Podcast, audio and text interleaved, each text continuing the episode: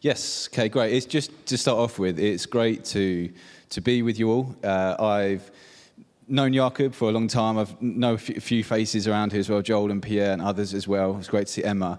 And uh, it, as a church, we are so similar, and we, so, we often joke actually about how similar we are. So, Good First was founded, started about eight years ago, very similar time to when you guys were founded, and we, we love Jesus and we love this city. We've got so many things in common. And so it's great to be able to come here and say hello from Good First and actually just like, it's just great to be on mission together. Uh, you know, going to the celebrations, the 400 year celebrations, just going out and seeing, you know, the world and how big a city we live in. It's great to know that there's brothers and sisters who are together on mission uh, in the city, love each other, pray for each other. So it's good. I don't know if it's been announced. I don't know if it's official. I don't know if I can say this. I'm going to say it. Um, but over the summer, we're going to be meeting together in parks. Is that okay? Uh, and super nervous.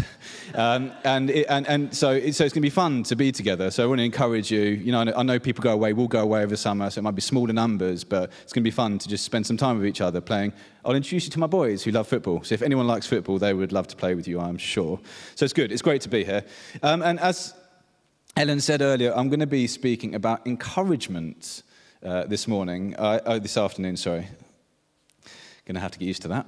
I'm used to, we meet in the mornings. Um, uh, I spoke to Jakob. He said, Is there anything you'd like to speak on? And I gave him a few options, one being God's judgment. And he's like, Nah, not that one. Anything else? Uh, I said, Oh, encouragement. He's like, Yeah, that sounds better. There's something we don't hear so much of, actually, as a church encouragement. Um, and so I thought, Yeah, let's go for that. Murray Harris, who is a New Testament scholar, says that encouragement is one of the most important ministries in the church of the New Testament. I wonder, like, if you were to think, okay, what are the important ministries in the church today? Worship, kind of kids' club, uh, preaching. What Murray Harris says is one of the most important ministries in the church is encouragement. It's being an encouraging people, yet it is a subject that I want to suggest we don't hear actually spoke on so much. Uh, yet I believe it to be so so important. One of my strongest memories from my childhood, I was around the age of 13. Um, I went to a school that was very strict, so kind of think English school. Okay, I had to wear um, a suit. So as a 13 year old, I was wearing a suit, trousers, smart shoes, a blazer, tie, everything. Okay, school uniform. And I was doing fine at school, uh, but for some reason, I was called into the headmaster's, the principal's office. And it just so happened that the day I got called into the principal's office, I had forgotten my blazer, so my suit jacket at home.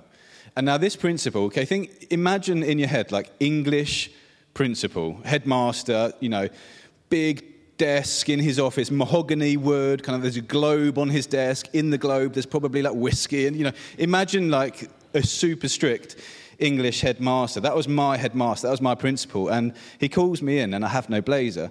But I did whatever every other 13 year old would do, which is ask my friend, Matthew, is it okay? Can I borrow your blazer? He was like, yeah, that's fine. So I go into the office with Matthew's blazer on, and he's talking to me, the principal's talking to me, and we're having a fine conversation as far as I can remember until, let's have a look, get some sound effects. There's a knock on the door. Uh, Mr. Barnard, the principal, kind of walks over to the door, opens the door, and who is standing the other side of the door but Matthew, my friend? He's like, Josh, you all right if I get my blazer back?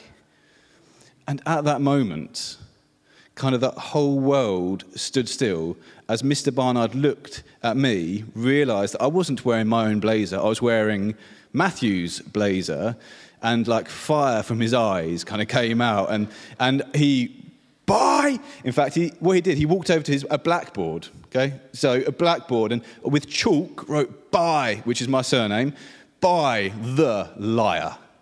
I underlined it, doosh, doosh, doosh, exclamation mark. I almost went through the wall.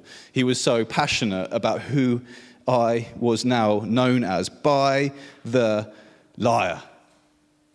And he had an opportunity to build up like a 13 year old innocent kid, uh, but instead he chose to break me down. And in fact, kind of from that day on, my schooling was, it w- wasn't great. It wasn't very good. And he regularly would call me, not Josh, not Bye, but Bye the liar when he saw me because I forgot my blazer that one day. He had an opportunity to build up, but instead he broke down. Solomon in Proverbs 18:21 says that the, the tongue has the power of life and death. And that day, Mr. Barnard used his tongue for death. He broke a boy's heart. I wonder if you can remember a time you really needed encouragement, but you didn't receive it. If you've got your Bibles, let's open them to Acts. We're going to jump from Acts 4 to Acts uh, 11, but we'll start in Acts 4, verse 32. And when we get into Acts, uh, we, we have this beautiful picture of the early church. It's great. Just read the book of Acts and think, hey, how do we want to do church? Just open up Acts and look at how they did church. It's this beautiful, beautiful community, gospel doctrine. So they've received undeserved grace, and it is creating a gospel culture, a culture where they give undeserved grace to one another. And it's just this beautiful, beautiful picture of a church to be part of, especially in the early chapters. Uh, verse 32 of Acts 4. All the believers, and I'm reading from NIV, all the believers were one in heart and mind. No one claimed any of their possessions was their own, but they shared everything they had. With great power, the apostles continued to testify to the resurrection of the Lord Jesus. And God's grace was so powerfully at work in them all that there were no needy persons among them. For from time to time, those who owned land or houses sold them, bought the money from the sales, and put it at the apostles' feet. And it was distributed to anyone who had need. Joseph, a Levite from Cyprus, whom the apostles called Barnabas, which means son of encouragement, sold a field he owned and bought the money and put it at the apostles' feet. Then, if we jump quickly to uh, chapter 11 and then verse 21. The Lord's hand was with them, and a great number of people believed and turned to the Lord. News of this reached the church in Jerusalem, the church we've just been reading about, and they sent Barnabas to Antioch.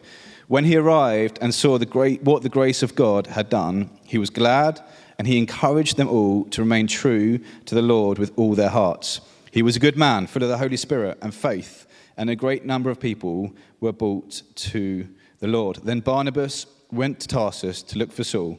When he found him, he brought him to Antioch. So for a whole year, Barnabas and Saul met with the church and taught great numbers of people. The disciples were first called Christians at Antioch. So there's this beautiful picture uh, of the early church. You kind of got there's no one in need. They're living life together. They're sharing what they have with each other. Someone's in need. We'll sell our house. We'll give it to someone else, the money. They're, they're eating together. It's just this beautiful picture of church. They're displaying the grace of God. They've received grace. They've received this incredible gift, and they're living out a life of gift, a life of grace, a life of sharing one with one another. And then Luke, the writer to, uh, of the book of Acts, zooms in on one guy, Joseph. And he calls him a good man, a man who's full of the Spirit, we read in Acts chapter 11. He was good, he was full of the Spirit, he was full of faith. Now, I don't know what you think about when being filled with the Spirit. Often, when we hear about being filled with the Spirit, we think perhaps about the miraculous, or we think about the prophetic gift amongst us as a church, which are all great stuff and we want to encourage and you to be filled with the Spirit and to prophesy and to be filled with the Spirit and expect God to move in miraculous ways. But the heart of the prophetic, especially, is, and we read this in 1 Corinthians 14, to build up. The heart of the prophetic is to encourage. So, why at Good First we really encourage prophetic and people sharing like what they feel God is giving to them? Why do we do that? So the church can be built up so the church can be encouraged. And Joseph demonstrates this gospel culture, this, this being filled with the Spirit by being an encourager. So much so that probably most of us don't know him as Joseph, but know him as Barnabas, which was his nickname, meaning son of encouragement. He is an encourager. And the reason he's an encourager is because he's filled with the Spirit. Why does that matter? Because God is an encouraging God. He encourages, he's filled with the Spirit because God is an encourager himself. And we read that in Romans 15:5, for example, that the God the Father gives endurance and encouragement. Or 2 Thessalonians, that Jesus gives encouragement. Or John 15, when Jesus says, I'm going to send the Spirit, the para, Paracletus, I'm going to send the helper, I'm going to send the encourager. So, God the Father, God the Son, God the Holy Spirit is an encouraging Godhead. And so, when Joseph steps out as an encourager, being called Barnabas all of a sudden, it's because he's filled with the Spirit and he demonstrates a part of who God's character is, which is an encouraging God. So, what is encouragement? Encouragement, quite simply, means to put in courage. Nice and simple. In courage. Put in courage. That's what we are seeking to do when we encourage. We build one another up. We get alongside our brothers and sisters and we seek to make them strong. We seek to put courage into them. We seek to build them up. Because the reality is, that life is tough. Life is challenging.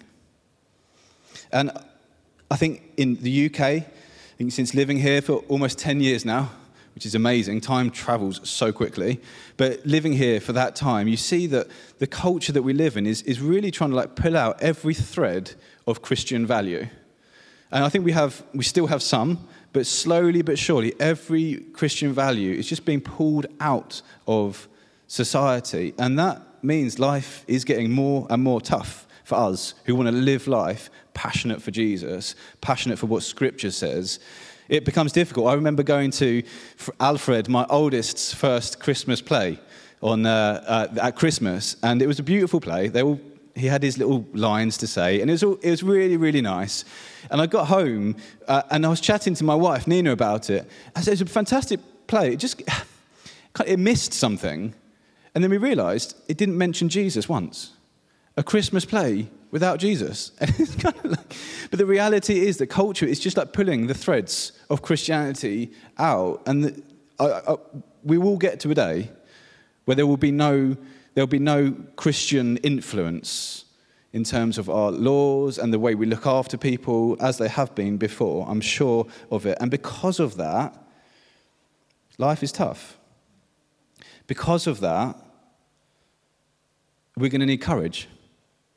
Because of that, we're going to need building up. And the apostles in the Jerusalem church, when they hear about what's going on in chapter 11 in Antioch, they, they think, who do I send to a pioneering situation? Who do I send to, into a situation that is, that is tough? Because in Antioch, it's the first time when we have the Jews and the Gentiles mixing together.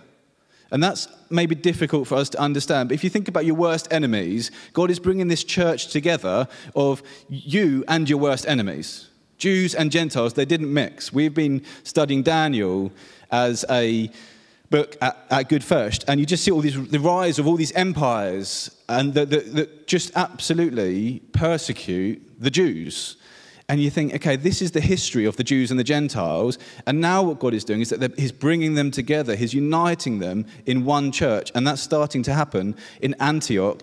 And the Jerusalem leaders think, who best to send into an edgy situation where there will be friction, challenge, awkward conversations? Barnabas, Joseph, the encourager. And Barnabas's encouragement it becomes one of the building blocks to all the Antioch church is going to become, which is an incredible resourcing church. And at the beginning stages, when things are small, when things are fragile, like the Antioch church, encouragement is required more than ever, perhaps. a child psychologist said this that a child needs encouragement like a plant needs water. Now, coming from the UK, I'm not used to having plants inside the house. This was a strange thing for me until I moved here. And now my house is like a jungle. It's just got plants everywhere. It's fantastic. And I've learned something, and that is that plants need water. Just like a child needs encouragement. Without that, they kind of wither away. We're worried about going away on holiday this summer because our plants are all going to die.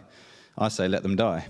But we need, a child needs encouragement like a plant needs water. And my, my one year old, when he was learning to walk, or has just learnt to walk, what happens when, and you, most of you, I'm sure, have, have seen this, as a child first starts to take their first step, it's, it, it's not really a step, is it? It's kind of like, and then they fall over. It's, it's, it's like a slow fall at best.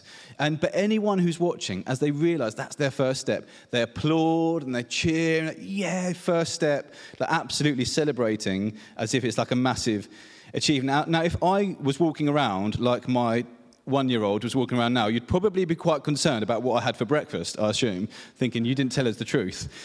Yeah, like kind of like, but it's not impressive for me, but we encourage because it is very impressive for oh, Caleb or for whatever child we have, we, we have seen that happen to. And as we push forward into what Christ has called us to, as we take baby steps, they may not look very impressive. They may look a bit like wobbly. But as we do our little, it's so important that we encourage. It's so important that we go whoop whoop from uncles and aunties and parents and friends and whoever. Because what happens is as I step out in faith, whatever it may be, at work or at church or, or whatever it is, there'll be voices in your head. That wasn't very good. Did, you didn't just say that, did you? You should have said that. Or perhaps even voices from others. That's not really your gifting, is it? Why did you do that? That was a bit silly. And a word of encouragement, it cuts through those lies. It brings life, not death. Encouragement brings life, not death. And as we encourage, I really want to encourage you to um, reevaluate success in the kingdom because success in the world is about doing well, looking good, having lots of money, or, or whatever it is. It's about doing things well. I want to suggest that actually success in the kingdom isn't necessarily getting things right, being able to walk perfectly, looking super strong. Success in the kingdom is actually something very different. It's taking these steps of faith. And even though they may be wobbly and not so impressive, God looks on at that and He says, wow, and I believe us as a church, we need to encourage one another when we're taking these wobbly steps. And even when we fail, when we say the wrong thing, we encourage one another. The Apostle Paul struggled with a thorn in his flesh for his life. He, he, and we, we don't really know what it was. It could have been eyesight, it could have been it could have been a bunch of different things. We don't know what it was. You can, you can go away and think about it yourself. Um, but it made him weak. And what he says is this Three times I pleaded to God, take away this thorn. Take it away. It's making me weak. But what God replies with is, My grace is sufficient for you. Because when you are weak, then you are strong. And then what Paul goes on to say is, he's like, right, well, then hardships, I want it all. Because when I am weak, I am strong. And it, it, Paul, Paul is saying to God that I'm empty, I've got nothing. And God says to Paul, I'm glad you figured that out. Yeah, you got a thorn in your flesh. I'm glad you realize that you're weak. Now I can work through you. Now you've seen your weakness, I can really work through you. And so God doesn't take this thorn away. And in fact, you can imagine Paul saying, ah, Give me more thorns. Give me more thorns in the flesh, because when I am weak, then I am strong. And I believe God is looking for people who have the heart of Paul, a people who have thorns, a people who feel, and, and we can all have different thorns, weakness. Because I believe when we when we recognize our weakness, then I believe God is going to work through us in a fresh way, in a powerful way. And culture, doesn't it? It says, like, take the thorn, get the thorns out. Get the thorns out. If you're struggling with, I don't know, body image, then go to the gym and buy different clothes. Or if you're struggling with this, take that thorn out. And if you're struggling with money, then work more. And it's like, take all these thorns out. The, what the gospel is saying, actually, in your weakness, I'm going to work through you. In your, with your thorns, I, God, am able to work through you. And I think we often, or I at least, with my thorns, I can get frustrated with God. I'm like, God, can you not take away these thorns? And Paul's like, take away these thorns. And we can pray that almost, can't we? But I believe God would say, actually, maybe I'll take them away, maybe I won't. But either way, I will be strong through your weakness.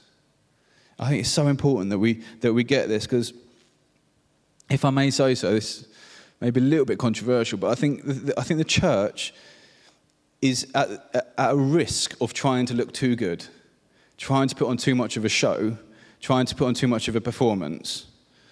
And I think what God is looking for is a people who say, We're the thorny people. We're the people with thorns. We're the people who are weak. But God, work through us. And I'm going to enjoy my weakness because in my weakness, I am strong, which doesn't even make sense. Paul literally says, I'm weak, then I'm strong. It, it doesn't make sense, but it does make sense because it's the gospel and it's God working in Paul. And so I want to encourage you as a church don't try and look shiny. Don't try and be like the thorn free church. Be a church with thorns.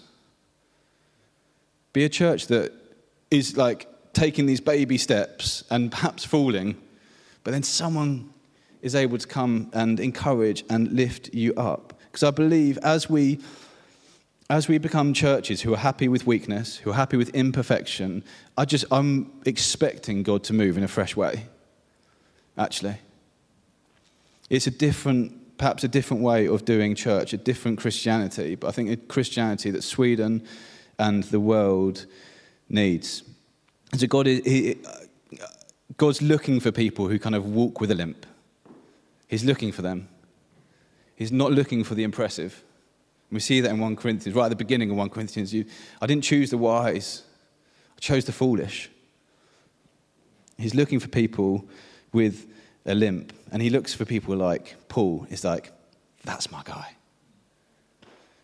He looks for people like us, that's my guy, that's my girl. You're not perfect, but that's good because I can use you. As we, as we come into land, I want to encourage you to be content with weakness. That's my encouragement to you as a church. Be happy with weakness because in that Christ will be strong. And now that doesn't mean, I thought it's great having Hannes and Emma leaders in worship. It doesn't mean like you should like play the wrong chords all the time or, you know, like play the guitar backwards and it sounds terrible and Emma sings as badly as me, for example, completely out of tune. It doesn't mean we shouldn't do things badly, but it means we come to God and say, look, we're weak. We've practiced, but we're weak. We want you to work through us. And so, of course, we do church work. Why? Because we're welcoming people, we're helping people, encouraging people into worship. And so we want to do that in, in the right way. People can't sing along if you're doing the wrong chords and the wrong. But that's not where we're getting our hope from. That's not what it's all about. It's about Christ um, working, yeah, working through us, working in our weaknesses, and then, and, then, and then we become strong. So I want to encourage you be content in weakness uh, it's good to realize you're weak. But then I also just want to encourage you as a church, I, I really feel that there's a responsibility for us as church to encourage one another. Uh, it is a difficult world. It's just a reality. I don't think there's anyone who would disagree with me in the room. Living for Christ is difficult. And we have a responsibility. God has called you together. And He's called you together to be family and to love each other. And the, the best way, one of the best ways you could love each other is by encouraging one another.